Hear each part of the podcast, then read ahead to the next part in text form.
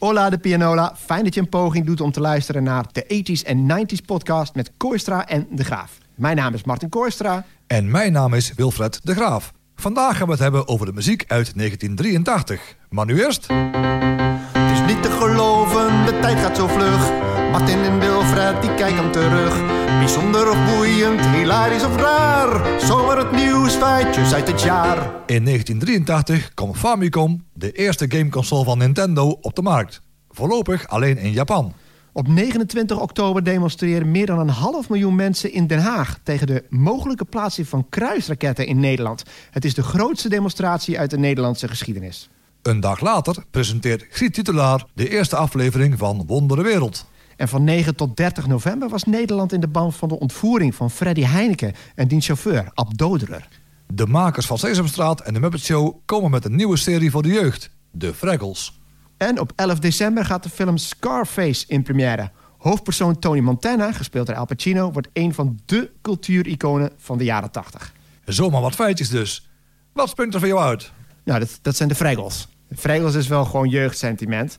Heb ik ook echt wel levendige herinneringen aan, omdat dat bij mij op school, en we hebben het over 83, dus dan was ik acht waarschijnlijk, uh, dat dat op school speelde. En dat we daar uh, de typetjes nadeden en meezongen. Maar vooral dat, dat titellied, weet je wel, maak muziek en lach, zorgen voor een andere dag, zingen doen we vlot in de Vrijgelgrot. En daar maakten we onze eigen versie van.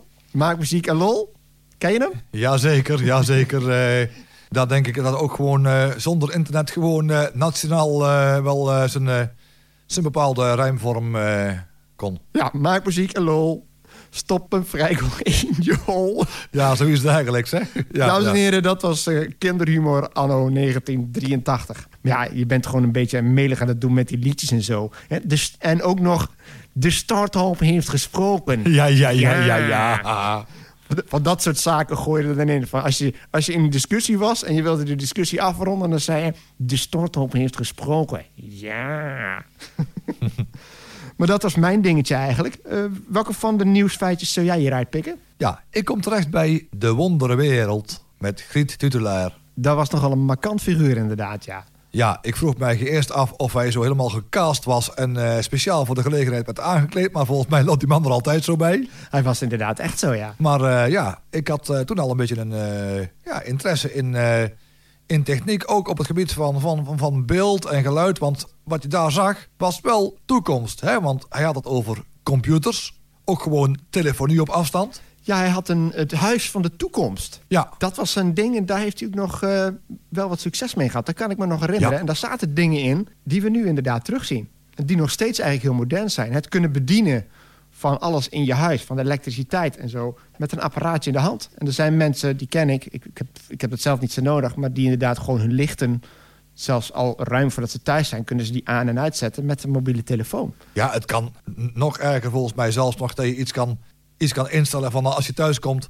dat je eten gewoon al, dat je s'morgens al in, een, al in één pan... al in gedeeltes klaar hebt gedaan, uh, klaar hebt uh, gezet... En, uh, en je komt thuis en tegelijkertijd zijn je aardappeltjes mooi gekookt... is je groente al mooi, al mooi gaar en nog een stukje vlees erbij. Kon jij het volgen, Griet Titula? Want het is ja. vrij technisch. Kon jij hem volgen al? Ja, ik vond dat hij ook gewoon zijn zijn best deed om het ook voor, voor, voor kinderen, jeugdige kijkers en misschien niet techneuten... om het zo duidelijk mogelijk te verwoorden. Het ging mij toch wel een beetje boven het hoofd, maar ik heb het wel vaak gezien... en ik vond het ook leuk om naar te kijken. En het komt toch door die persoonlijkheid. Had Ja. een hele, hele prettige manier van, van praten, een hele warme stem. Ja, En dat was het ook, hij liet de dingen zien. Dus ook al kon je zijn verhaal niet volgen... hij liet gewoon zien wat Ja, er gebeurde. Dus en- dat kun je toch begrijpen. en je kan ook gewoon zien van dat de passie voor techniek, vooruitgang en toekomst en zo... die passie zat in die man. Griet Titula toch echt wel een grootheid op de Nederlandse televisie, zou ik zeggen. Natuurlijk gebeurt er ook van alles op het gebied van muziek.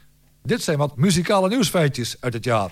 In 1983 schrijft Man at Work geschiedenis. Op 29 januari staan zowel hun single Down Under... als hun album Business as Usual op nummer 1 in Engeland en de Verenigde Staten.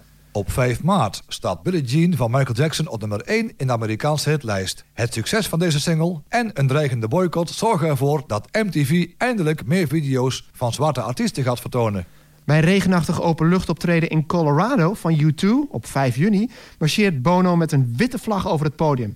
Dit optreden wordt de officiële videoclip van Sunday Bloody Sunday... dat twee jaar later pas een grote hit wordt in Nederland. Fantastic. Het debuutalbum van Wham komt binnen op nummer 1 van de Britse albumlijst. Club Tropicana staat op dat moment op de vierde plaats in de Britse top 40. En begin september verschijnt het debuutalbum van Madonna. Een paar weken later staat Holiday op nummer 1 in de Amerikaanse danslijst.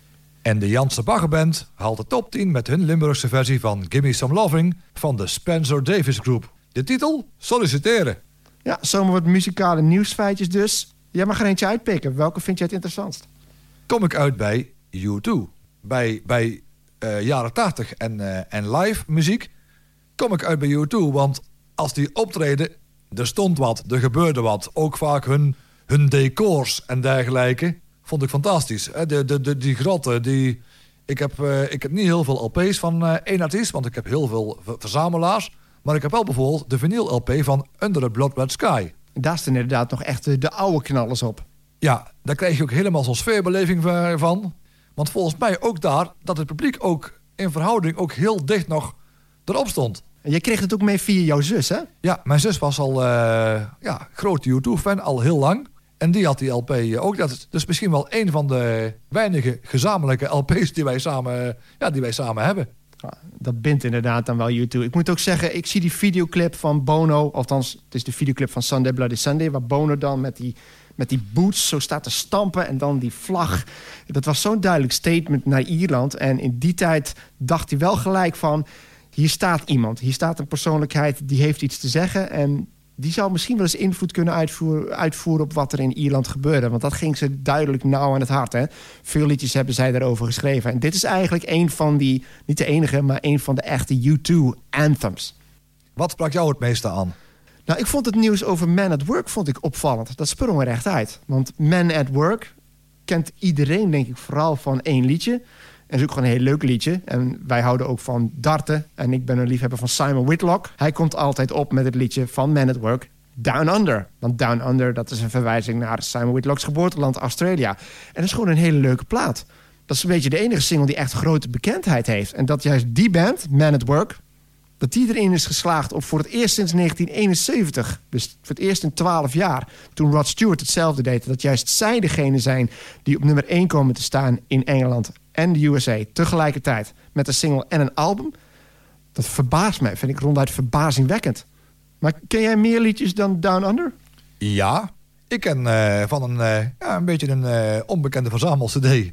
Daar stond een nummer op, dat heette Hoe kan het be nou? Ja, ik ken het niet, maar ik zag in het hitdossier... dat, dat heeft de tipparade gehaald en is verder niet gekomen. Maar het is wel het leuke van zo'n verzamelalbum... Hè, dat je dat soort liedjes tegenkomt. Ja, was gewoon een, ja, best wel een, uh, een welkome opvulling eigenlijk. Want er stonden wat hits op, maar ook ja, gewoon wat minder bekende nummers. En ik vond dat leuk om te luisteren. Ik heb daar vaker ervaring mee. Want zeker bij verzamelalbums, je hebt heel veel artiesten... Als je begint met een cd-collectie opbouwen... Dan moet ik echt in de verleden tijd zetten. Als je in de jaren negentig begon met het, met het opbouwen van een cd-collectie... dat doet bijna niemand meer. Maar dan ga je inderdaad veel zoeken naar die greatest hits... waar je het net over had, van de grote artiesten. Alleen je hebt ook heel veel van die one-hit wonders. En om die te vinden moet je eigenlijk wel uitwijken naar verzamelplaten. En dan kijk je, nou hoeveel liedjes staan erop die ik wil? En dan ga je denken, kijken naar de prijs. Is het dat waard? Nou, staan er bijvoorbeeld zes liedjes op van de 15 waarvan je zegt, die zijn vet. En die andere negen, nou ja, die neem ik maar voor lief. Maar wat blijkt dan, als je die andere negen gaat luisteren... zitten er altijd wel een paar tussen waarvan je denkt, die ken ik ook. Of die is ook leuk. En dat is er dus eentje die je net noemde. Ja, want dat vond ik wel een beetje een, uh, een uitdaging ook met die uh, cd's... om zo goedkoop mogelijk, zoveel mogelijk leuke muziek te scoren. En dat kon ook, uh, ja, toen de tijd stonden er in die aanbiedingenbakken...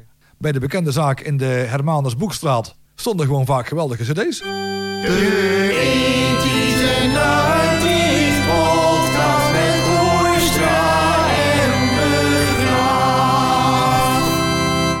Dat waren zomaar wat muzikale nieuwsfeitjes uit het jaar 1983. Nu gaan we het hebben over de muziek. En daarvoor gebruiken we onze muziekbijbel, het Top 40 Hit Dossier...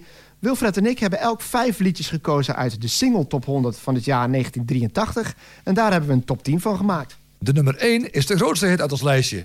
Maar iedere top 10 begint natuurlijk met... Nummer 10! En dit is het lied van mijn keukenprinsesje. En zij heet Joke. Joke. Stop toch met koken. Kom uit de keuken, mijn lieve Joke.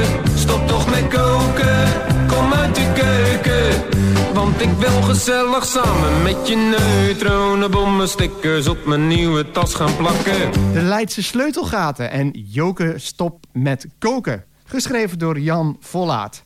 Nou, dit was eigenlijk een uit de hand gelopen studentengrap. Hele flauwe grap. En dat was gemaakt eigenlijk ter ere van het Leids Ontzet. Uh, studentenfeesten zijn er jaarlijks in Leiden. Tenminste, voordat we het COVID-gebeuren hadden. Uh, een van de hoogtepunten is dat echt uit het studentenleven in de Randstad. Dat zijn de Leidse feesten. En die zijn ter nagedachtenis van het Leids Ontzet. Ik heb er met Lijn 7, uh, Nederpop, die heb ik al een paar keer genoemd. Daar de Nederpop coverband daar opgetreden. En dat zijn wel mooie feesten hoor. Dat zijn echt, als je als je als studentenband ergens wilt optreden... dan is dat toch wel daar. Daar heb ik wel goede herinneringen aan. Maar dit was dus een hele flauwe grap. En uh, dat, dat kreeg nog een, een, staartje eigenlijk. Maar toch indirect kun je wel nog een beetje... misschien wel een beetje een link leggen met uh, de bom van Doe Maar. Die moet je even uitleggen. Ook uh, omdat het ook, ook in de tijd was van de Koude Oorlog. En dan neutronenbommenstickers. Ah, kijk. Gaan plakken. Dus misschien ook wel anti... dat er anti-neutronenbommen stickers geplakt werden. Oh, dan gooi je iets interessants erin. Ja. Je denkt het is eigenlijk gewoon een flauwe grap... maar zou er toch een stukje politiek-maatschappelijk ja. kritiek onder liggen? Studenten zijn wel vaak uh, slimmer als ze, zich, uh, als ze zich voordoen, hè? Ja, oké. Okay. Maar ja, dan is het dus... Je, om het dan te doen in de vorm van... kom uit die keuken, want ik wil met je... ja. ik weet niet of... Ik, ik, kan in ieder geval stellen dat het niet dat doel heeft bereikt. Ja. Maar, maar ik durf wel een link te leggen met met Weilen Arie Ribbers. Met uh, Polonaise Hollandaise. Oh ja, er zit ook zo'n zin in, hè? Van, want die uh, heeft van... Marietje. Wij zakken door. Ja. Wij zullen niet, niet verdorsten. Want Willem grijpt Marietje van achter bij haar... Schouders. Ja, ja, ja, ja, het had ook zomaar borsten kunnen zijn of tietje. Ja, nou dat denk je inderdaad. Hè. Je voelt die zin aankomen. Wat rijmt er nou, wat rijmt er nou op verdorsten? ja. Worsten of borsten inderdaad. Wat nog een braaf woord is. Maar inderdaad, daar pakken ze die zin ook op.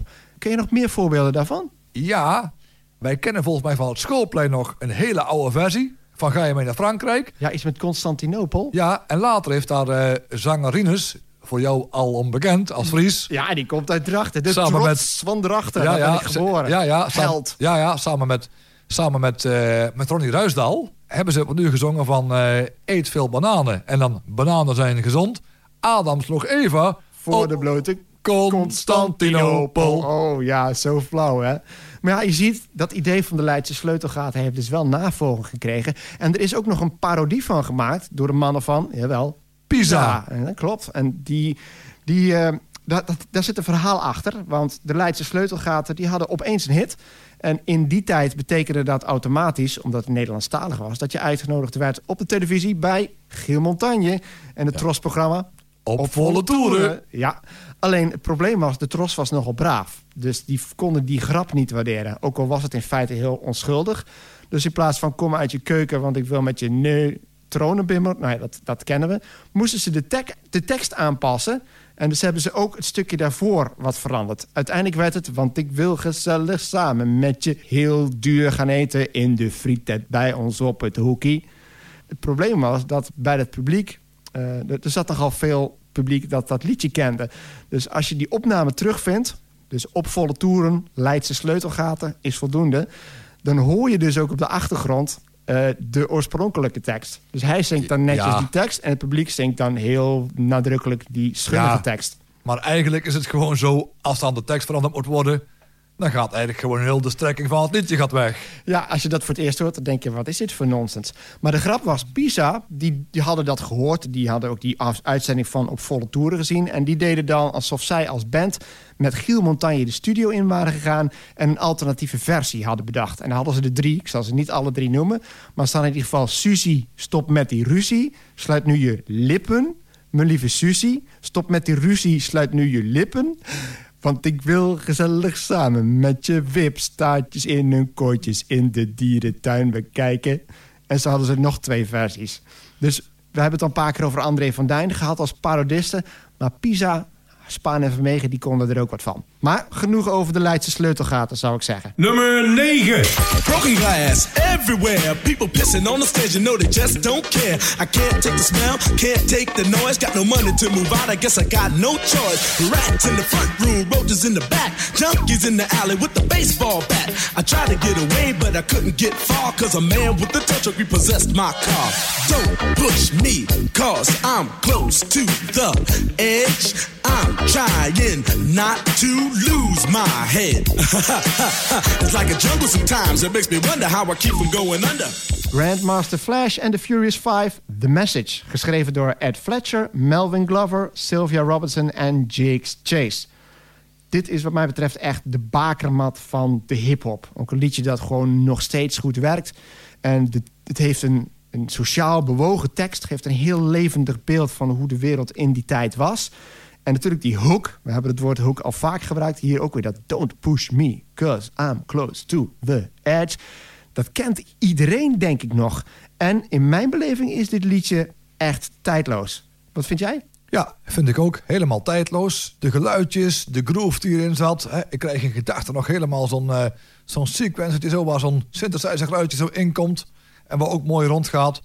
En ook gewoon de, de tekst. Het kan betrekking hebben op, uh, op heden ten dagen. Ja, het is, het is een tijdloze tekst inderdaad. En ook omdat het heel duidelijk een beeld bij je oproept. Hè, van people pissing on the street, you know they just don't care. Ze zeggen, het gebeurt niet alleen...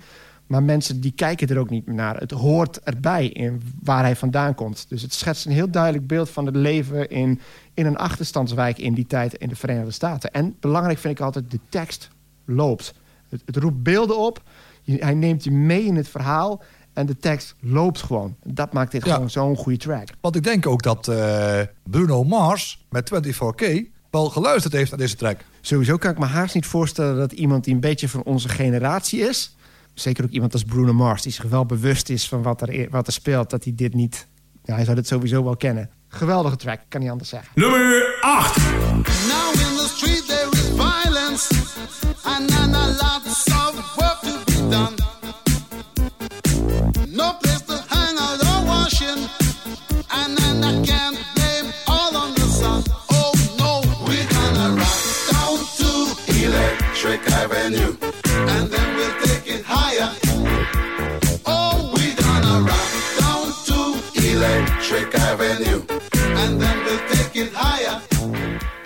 Eddie Grant en Electric Avenue, geschreven door Eddie Grant. En we hadden van tevoren even een discussie, want uh, ik had hier een beetje een probleem. Nou ja, een probleem. Ik zal het even uitleggen. Deze versie die heb ik van een cd. En dat is uh, de Hit History 1983. Dat was een serie die liep van 1970 tot 1984. Samengesteld eind jaren 80 door Skip Voogd. Bekende muzieksamensteller, ook een grootheid in de radio, onlangs overleden. En in mijn herinnering is dat ook de versie die altijd op de radio gedraaid werd en die op televisie te zien was. Maar dat vind ik het nadeel wel eens van Spotify. Als je naar Spotify gaat en je gaat daar luisteren naar Electric Avenue... krijg je een hele andere versie. In mijn beleving een, een nepversie. Maar dit is het origineel, toch? Ik denk het wel, ja. En ja, wat moet je erover zeggen? Het is precies die, die mash-up, zou je zeggen, qua van stijlen. Tussen wat toch een beetje rock is. Want je hoort een soort vervormde gitaar erin. Maar ook gewoon die haast hypnotiserende beat erin. En natuurlijk een refrein dat iedereen zo meezingt. We're gonna walk down to Electric Avenue. And then we'll take it higher. Het is gewoon een liedje waarvan ik denk... perfect voor op de dansvloer. Maar misschien niet per se in deze versie. Nee, maar er is wel uh, op ingespeeld. Want in 2001 kwam daar de zogenaamde Ring Bang Remix... Ja, die hebben we net even geluisterd. En dan hoor je eigenlijk hoe goed dit liedje is. Want heel simpel, ja, er zijn ooit wel eens danceversies van platen... wat afschuwelijk afbreuk uh, doet. Maar als je dit hoort, het is er gewoon voor gemaakt. Ook gewoon een strakke beat. En ik moet sowieso al zeggen van... bij de originele versie van uh, Electric Avenue... dan is het al mooi van dat ook die man... die heeft meer zo'n reggae stem... En dat hij ook een keer lekker een meer uptempo nummer zingt. Ja, en ik vind het sterke van die danceversie is dat eigenlijk het enige wat veranderd is... dat is die drumbeat. Verder zit alles er nog in, dus het is heel herkenbaar. Maar als je die versie uit 83 luistert en die van 2001... bij die eerste zit je een beetje te voettappen van, ah, lekker. En bij 2001, daar zit je met je handen in de lucht en ga je staan. En het is gewoon hetzelfde liedje, maar met een modernere beat. En dat, dit is ook zo'n plaat waarvan ik denk... eh, nee, die zul je niet gauw meer op de radio horen. Terwijl die gewoon heel goed is. En ik vind het prettig om dit soort liedjes een beetje aan te dragen. Electric Avenue van Eddie Grant. Geweldige plaat. Nummer 7. Hier ben ik weer, Jan Pelleboer, met mijn persoonlijke top 5. Zo ga ik lekker op de discotour, de hitparade te lijf. Haha, kan vriezen, het kan dooien, dus gaan we vliegensvlug van start. Marco Bakker staat bij mij op 5, want de muziek komt als het ware uit zijn hart.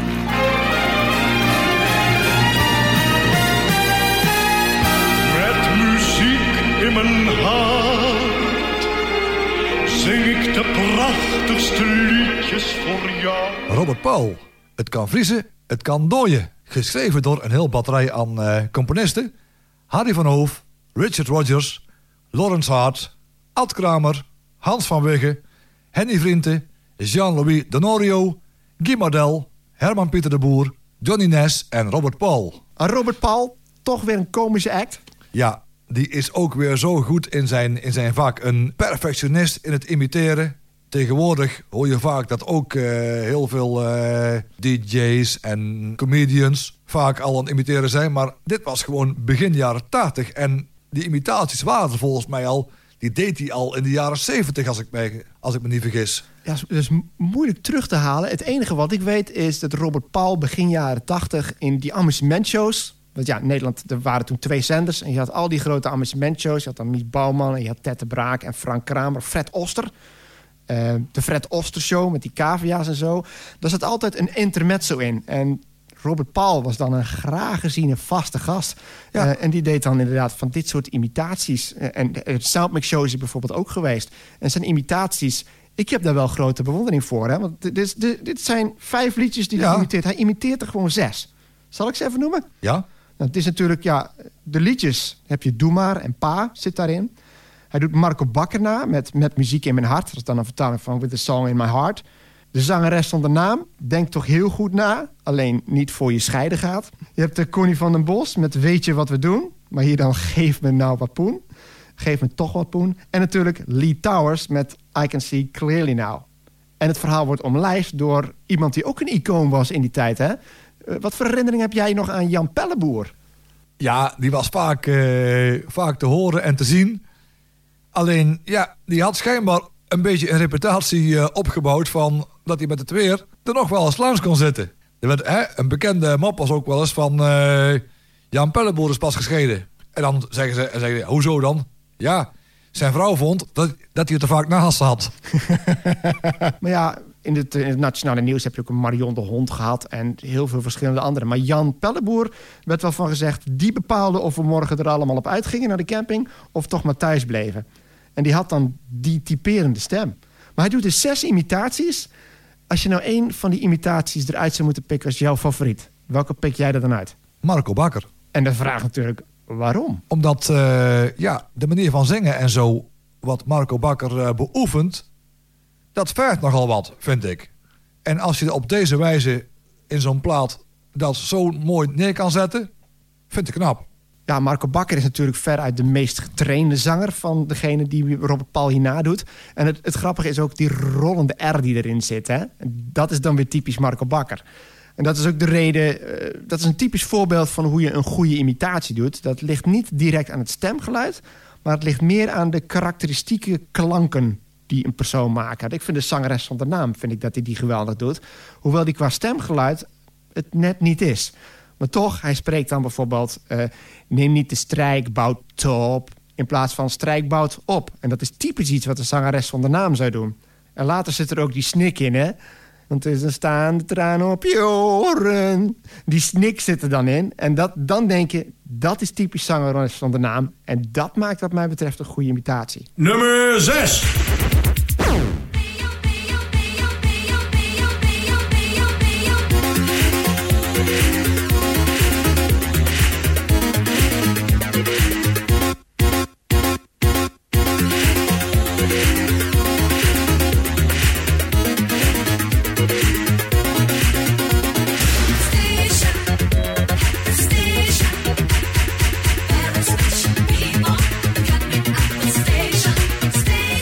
Fun Fun met Happy Station. Geschreven door D. Raymond, Abacap en I. Spanja. Nou, jij bent wel een fan van Italo-dance. Ja, zeker. Ik vind eh, de, de sound die helemaal zo, zo ja, zoals wij het als, als DJ's en ja, danceliefhebbers zeggen. eh, de sound die zo vet klinkt, ja, daar hou ik van. En eh, ja, ik dacht ook eerlijk gezegd, ook vanwege die sound, dat die plaat wat jonger was. Ja, de glorietijd van de Italo, het meest bekende was eigenlijk zo 1985, 86, 87, zelfs nog een klein beetje 88. Daar was hij met eh, 1983 toch wel eh, de tijd vooruit. Ja, er komen nou ook nog een Italo-klassieker uit het jaar tegen. Maar als je kijkt naar de, de grote hoop, zullen we zeggen, de echte grote hits... eh, dan komt die inderdaad zo rond 86, 87 uit. En Fun Fun had zelf natuurlijk ook nog een paar grote hits, hè? Call My Love. Ja, Baila Bolero. En het eh, leuke eigenlijk van eh, Happy Station eh, is dat de Scratch Edit ook gewoon ja, de, de hit was. En die is onder handen genomen door niemand minder dan Ben Liebrand. Ah, daar is hij weer. Ja. Die, is al vaker, die is al een paar keer gevallen en die naam gaat nog vaker vallen. Ben Liebrand. Dus we hadden het ook al eerder over Pim Sauer. Dat is Ja. een naam die vaak terugkomt. En Ben Liebrand, zonder dat we, het ons heel erg, zonder dat we ons er heel erg van bewust zijn... komt dus ook stiekem al vaak terug. En al in Ja. 1983, dat is vroeg. Ja, want het mooie was, 1983, op YouTube is er dus een, eh, een filmpje... waarbij de camera gericht staat op de bandrecorder... doorsnede misschien wel, van Ben Liebrand. En dan start hij de tape in, de mastertape van Happy Station... en dan zie je ook overal, waar, waar je de samples hoort... de plakkertjes zie je voorbij komen. Maar jij hebt ook nog het oude plakwerk gedaan, toch? Ja, Hoe pak je zoiets aan? Want tegenwoordig is het allemaal eh, knippen en plakken met een muis. Maar ja, toen jij begon, was Ja. het gewoon nog echt letterlijk knippen en Ja, plakken. toen ik, eh, toen ik dus eh, een mixer maakte met bandrecorder... dan moest je ervoor zorgen dat je dus in, een, in je studiootje... zoals je het toen mocht noemen... dat je goede verlichting had op je bandrecorder. En dan werd al de, de kop werd als eikpunt gebruikt. En dan was je echt met allebei de spoelen over die kop... en dan tot je echt zichtbaar, of tot, ja, hoorbaar... een beat hoorde... En dan, zet je daar een streepje, beginpunt. En dan ging je verder. En dan kwam je bij een ander punt. Deed je precies hetzelfde. Ook weer op hetzelfde punt. Een streepje, ook met, eh, met een stiftje. Dan een knip erin. En dan moest je heel goed gaan zoeken naar de beide streepjes. En dan legde je een soort van eh, ja, een plaksetje. Dat kan je vergelijken met eh verstekzagen. Dan legde je de ene, het ene deeltje precies zo dat hij in het, eh, in het verlengde lag van de zaaglijn. En dan allebei die streepjes op elkaar. En dan doorsnijden, plakketje erop. En dan eventjes een schietgebedje en hopen dat die netjes was. Want ja, mijn eerste mix die ik maakte, dacht ik van nou, ik maak fragmentjes van ongeveer één minuut per nummer. Maar het knippen was zo'n ja, lastig werk.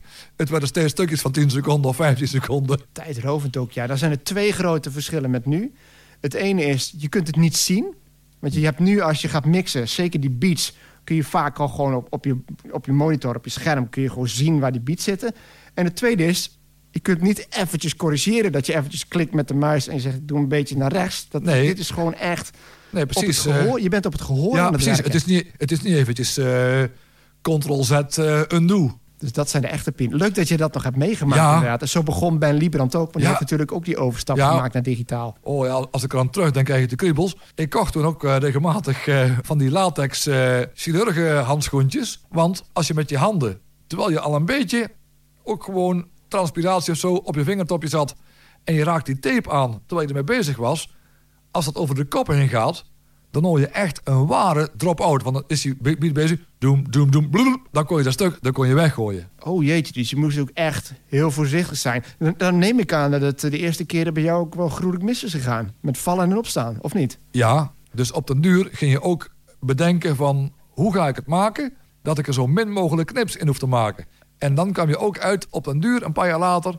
dat ik op, eh, op minidisc al wat dingetjes, eh, prefab eh, al had, had voorbereid. En dan kon ik mijn knip kon ik wat later zetten. En met die radiomixers die wij kennen van Happy Station... is dus van Ben Liebrand eigenlijk. Die is gemixt door eh, Ben Liebrand. Hey, maar als we het toch hebben, je zegt Italo Disco is, is super populair. Is toch iets wat wel werkt, zou je zeggen. Als jij een blokje Italo Disco zou draaien, dan heb je Happy Station. Welke liedjes zou je daarbij draaien, denk je? Company B met eh Fascinated. Ja? Op zich, ik vind Koto toch ook wel gaaf. Oeh, ja, ja, ja. Laserdance met eh, Power Run. Over Koto heb ik trouwens nog een aardige anekdote. Die zal ik niet te lang houden. Maar eh, in Eindhoven, de Woensdagse Markt, was een bekende platenzaak. En daar adverteerden ze met albumhoesen. Eén gulden. Dan hebben we het over midden jaren negentig, denk ik, of zo. En ja, in onze tijd ging natuurlijk heel veel browsen hè, in de albumbak. En dan ook de vinylbakken. En dan valt er wel eens op, valt je oog wel eens op een hele mooie albumhoes. En de mooiste albumhoesen vond ik die van Koto. Want die hadden echt van die mooie futuristische ontwerpen. Echt van die science fiction-achtige hoesen.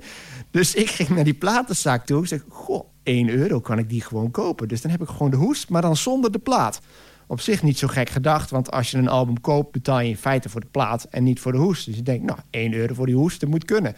Dus ik vanuit Nuenen rijden, Manneke van 14... die niet zo vaak in de stad kwam... moest even zoeken naar de Woenselse Markt. Dat is echt eh, op, op de rand van het centrum van Eindhoven, zullen we maar zeggen. En ik dus vrolijk daar rondkijken. En ik pak die, al- dat album, loop naar de balie... en zie daar dus die advertentie... albumhoesen 1 euro. En er hangt aan een lijntje gewoon een aantal albumhoesen... plastic en doorzichtig. En toen begon het kwartje te vallen. Ik denk, oh, ze bedoelen gewoon van beschermhoesen. ik denk waarschijnlijk dat je ook wel een van de weinigen was... die alleen maar een losse, een losse hoes wilde kopen vanwege het artwork misschien. Maar ja, mocht ik hem eh, een keer ergens eh, tegenkomen, dan, dan schenk ik hem jou. Oh, dankjewel. Nummer 5.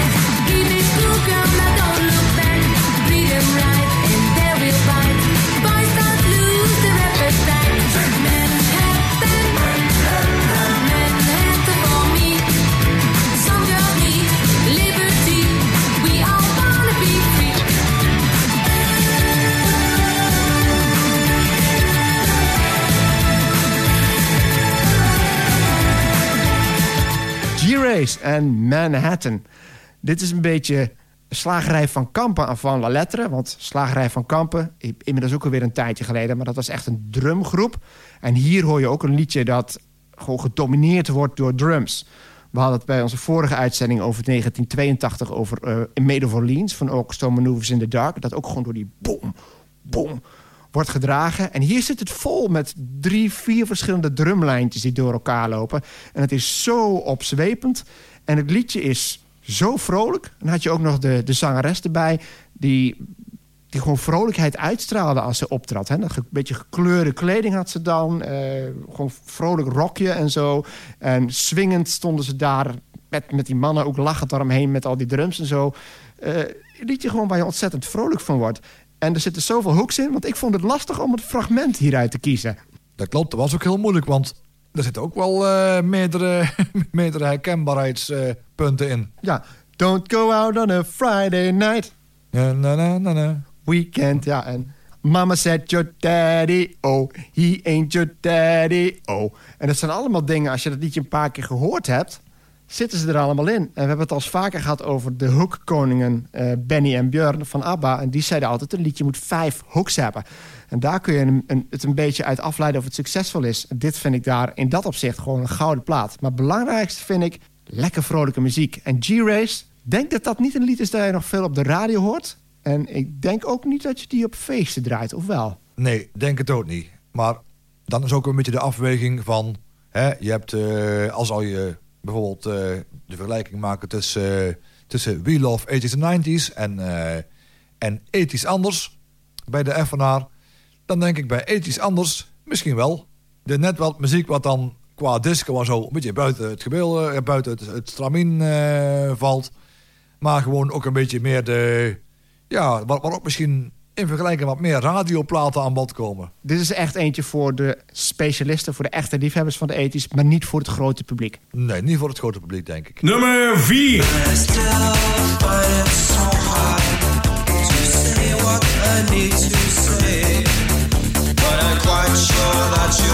New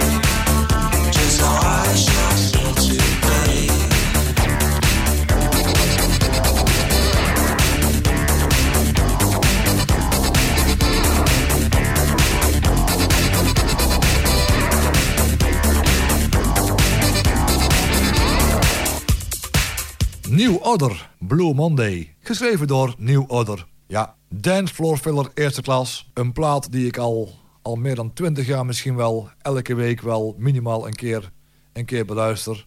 Ja, Is, is, fantastisch. is een ethisch feest een ethisch feest als New Order niet langs is geweest? Nee, zeker niet. Die hoort er gewoon standaard bij. En dan het liefste nog, wat veel DJ's helaas die doen als cultuurbarbaren... dat is dat die de plaat lekker laten, laten doorlopen na die eerste drumbreak. Ja, die drumbreak maakte ze gaaf.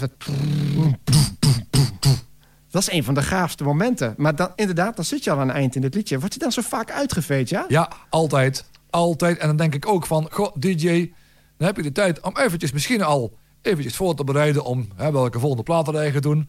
Want je ziet toch ook op je dansvloer van, dat is gewoon zo'n geweldige mega klapper. Van, dat ga je toch niet afkorten? Ik bedoel, je draait hem altijd op een feest. Maar je vindt het zelf ook een gaaf liedje, hè? Wat, Ja. wat maakt dit nou zo bijzonder voor jou? De typische eh, drum, met die drumcomputer. De bas, het, het koorgedeelte, waarbij het effect soms onderhand nog boven het, eh, het koor zelf eh, zit. Misschien zelfs nog een beetje het, het jeugdsentiment van, van toen ik de plaat voor het eerst hoorde.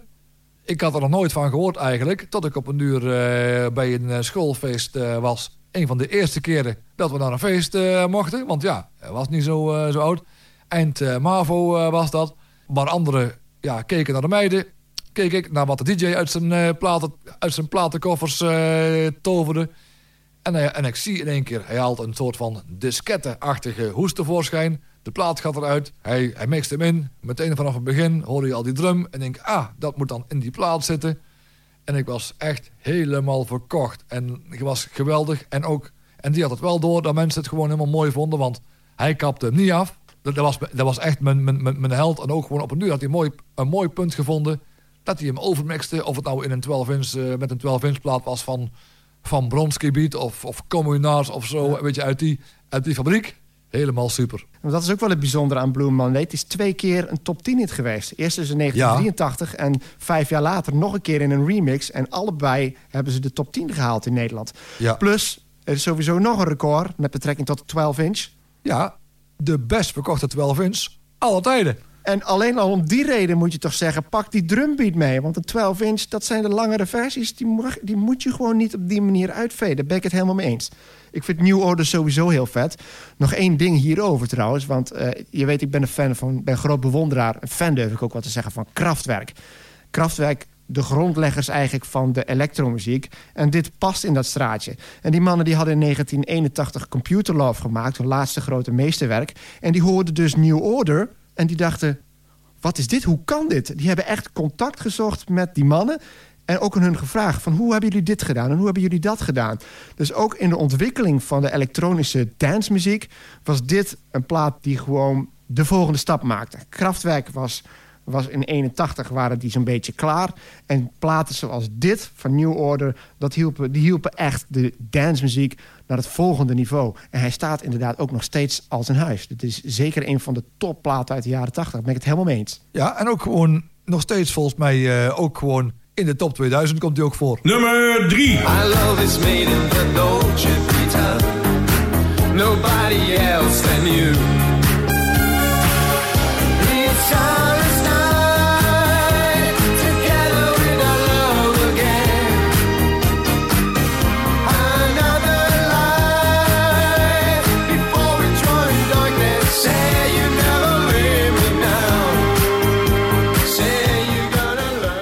Paris, Dolce Vita. Geschreven door Pierluigi Giombini en Paul Mazzolini. Ja, vergelijk deze eens met Van Van. Minder eh, het geluid opgepompt. Maar ook weer een heel aanstekelijk, een aanstekelijk deuntje, zomerse klanken. Een hele fijne stem van de, van de zanger. En ook dat intro, hè? Ja, dat is meteen vanaf seconde 1 het feest der herkenning. Oh, het is ook echt een liedje dat je kunt draaien. Dat ook werkt op een feest. Ja, niet eens ingemixt. Die kan ik gewoon, als een plaat uitgeveed is... kan ik zelfs nog een seconde stilte doen. En dan meteen instarten. Tum, tum, tum, tum, tum, Ja, tum, tum, precies. tum, tum. Ja. Precies. En dan zie je meteen vaak ook al de dames die eh, van dansen houden... meteen enkele reis dansvloer. Tasjes in het midden. Hoppa, want het is ook niet moeilijk om te dansen. Gewoon, hup, klep, klep, voor on de vloer. Ja, heerlijke plaat. Ook de, de, de, de, de break, de break die erin zit... vind ik ook heel erg eh, mooi. Hè, die van tevoren wordt aangekondigd zo met, met zo'n met zo'n lachje. Van, haha, Ja. En dit is ook weer zo'n typisch geval van... iedereen kent de titel, maar bijna niemand weet wie het gezongen heeft. Ik denk dat heel veel mensen, als ze naar een DJ gaan... dan zeggen ze, hey, draai eens Dolce Vita. En dan denken ze, oh, dat is die. Maar er zal niemand zeggen, denk ik... hey, draai eens Ryan Paris. Gok ik zo. Nee, maar heden ten dagen wordt eh, de plaat gebruikt overigens in een tv-commercial. Ik vind als ik dit hoor, en ook de vergelijking met Van Van... vind ik dit een beetje een voorbode van Rigera. Weet je wel? Van Famos a la Playa en No Tengo Dinero. Ja, Nummer 2. Ik ging zelfs hardop praten in mezelf en iemand zei... Je stond uren met je handen op de leuning van de brug. Annabel, het wordt niet zonder jou. Annabel, Annabel,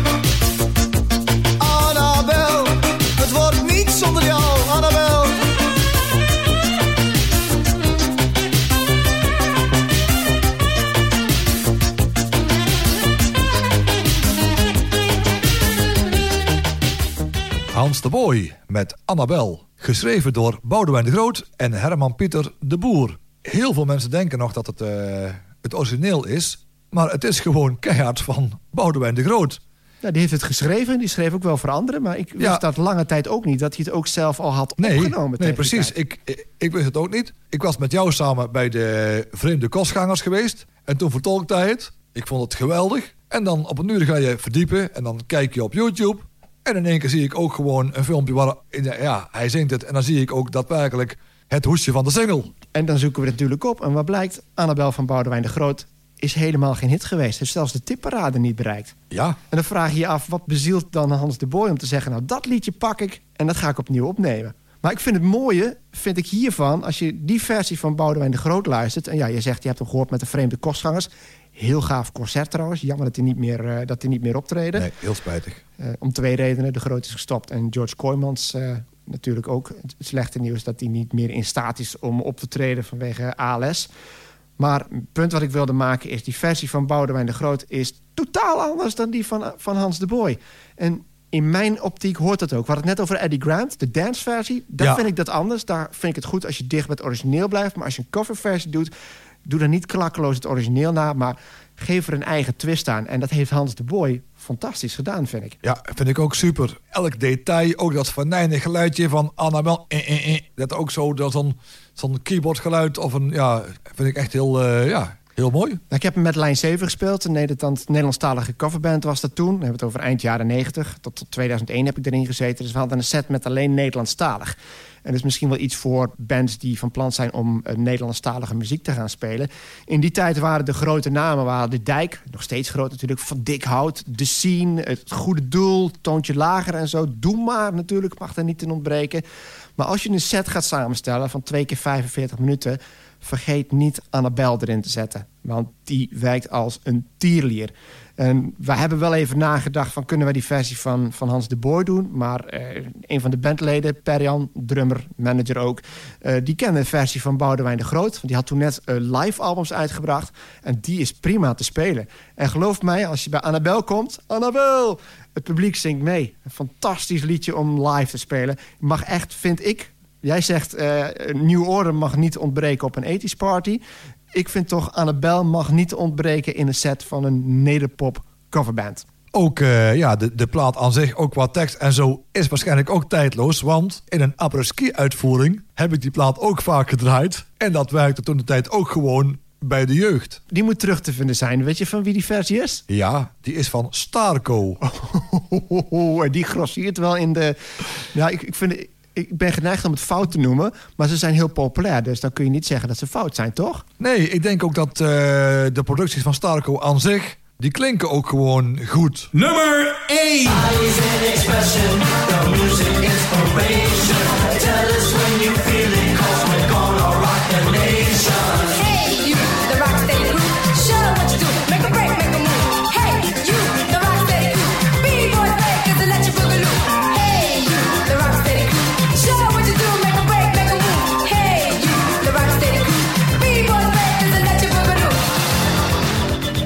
The Rocksteady Crew en Hey You, The Rocksteady Crew. Geschreven door Bud, Blue Soldier Dixon en Stephen Hague.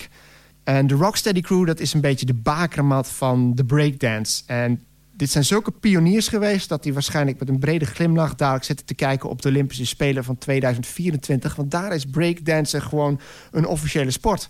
En als je kijkt naar alles wat er nu aan breakdansen is... en aan verwante stijlen... ze hebben het hier over b-boy, breakdance, electric boogaloo. Dat zijn de drie die hier genoemd worden, maar er zijn er inmiddels veel meer. En als je gewoon terugkijkt in de geschiedenis... dan komen die vertakkingen komen steeds dichter bij elkaar... en bij één punt komen ze samen... en dat is bij dit liedje. De grootste hit van 1982. En voor velen van ons gewoon de introductie met breakdance. En da daar kan ik nog wel iets van herinneren. Ik ben benieuwd of jij er ook zo'n herinnering aan hebt. Maar breakdansen, dat waaide over naar Nederland. En zo in 84, 85 gebeurde dit ook in Nederland. Van die breakdance dance-off, zullen we zeggen. Heb je dat, ben je daar zelf eens bij geweest? Heb je daar herinnering aan? Nee. Ja, ik heb dat wel gehad. Voor de mensen die Drachten kennen in de jaren 80. Er zit een stukje nostalgie. Ik heb tot 86 in Drachten gewoond. En ik was toen denk ik een jaar of 10, 11. Toen woonde een klasgenoot van mij. Die woonde in wat toen een nieuwbouwwijk was. De Volgeren. Eh, dat was echt nog voor een groot deel in aanbouw. Maar er stonden al wel wat blokken huizen. Dus er waren veel gezinnen met kinderen van onze leeftijd. Dus van 10, 11 jaar. En ik ben daar een keer meegegaan met, eh, met die klasgenoot. En daar was inderdaad zo'n dance-off. Waar ze dan een kleedje hadden liggen. Dat was geen kartonnen doos. En dan we hadden het dan een keertje over die ghetto blaster. Hè?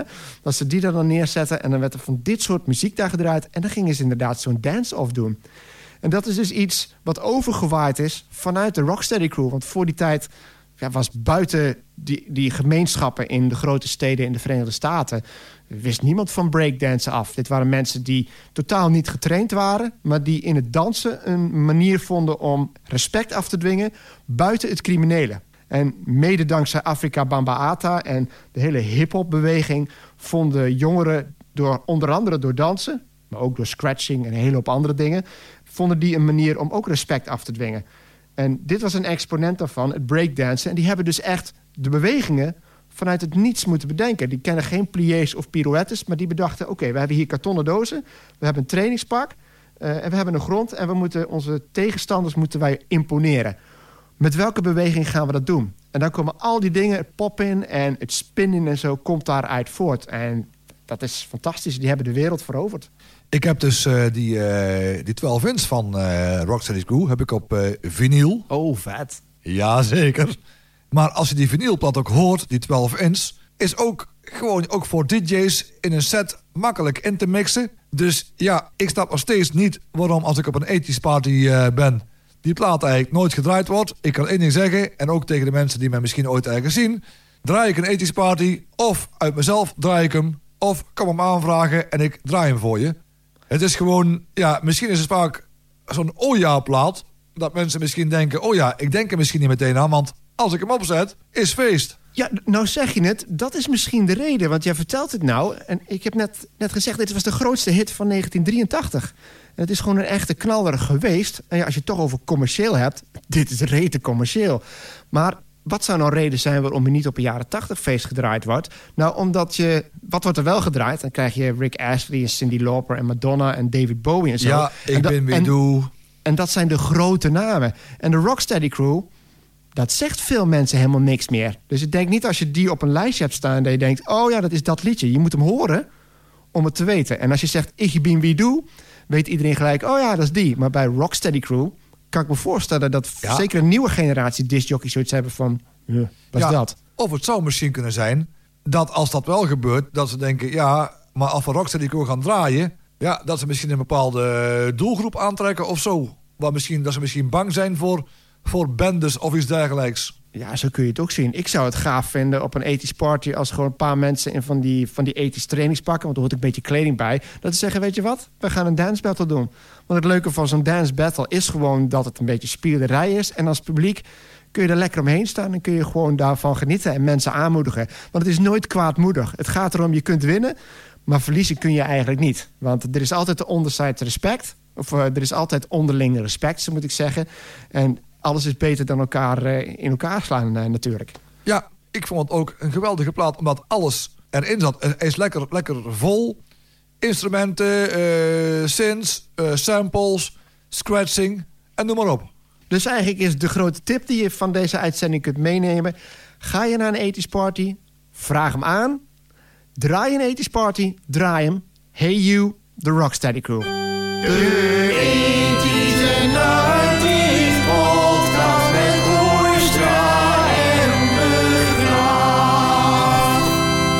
En dat vind ik een mooie noot om deze podcast mee te beëindigen. Dankjewel voor het luisteren. Houdoe. En bedankt.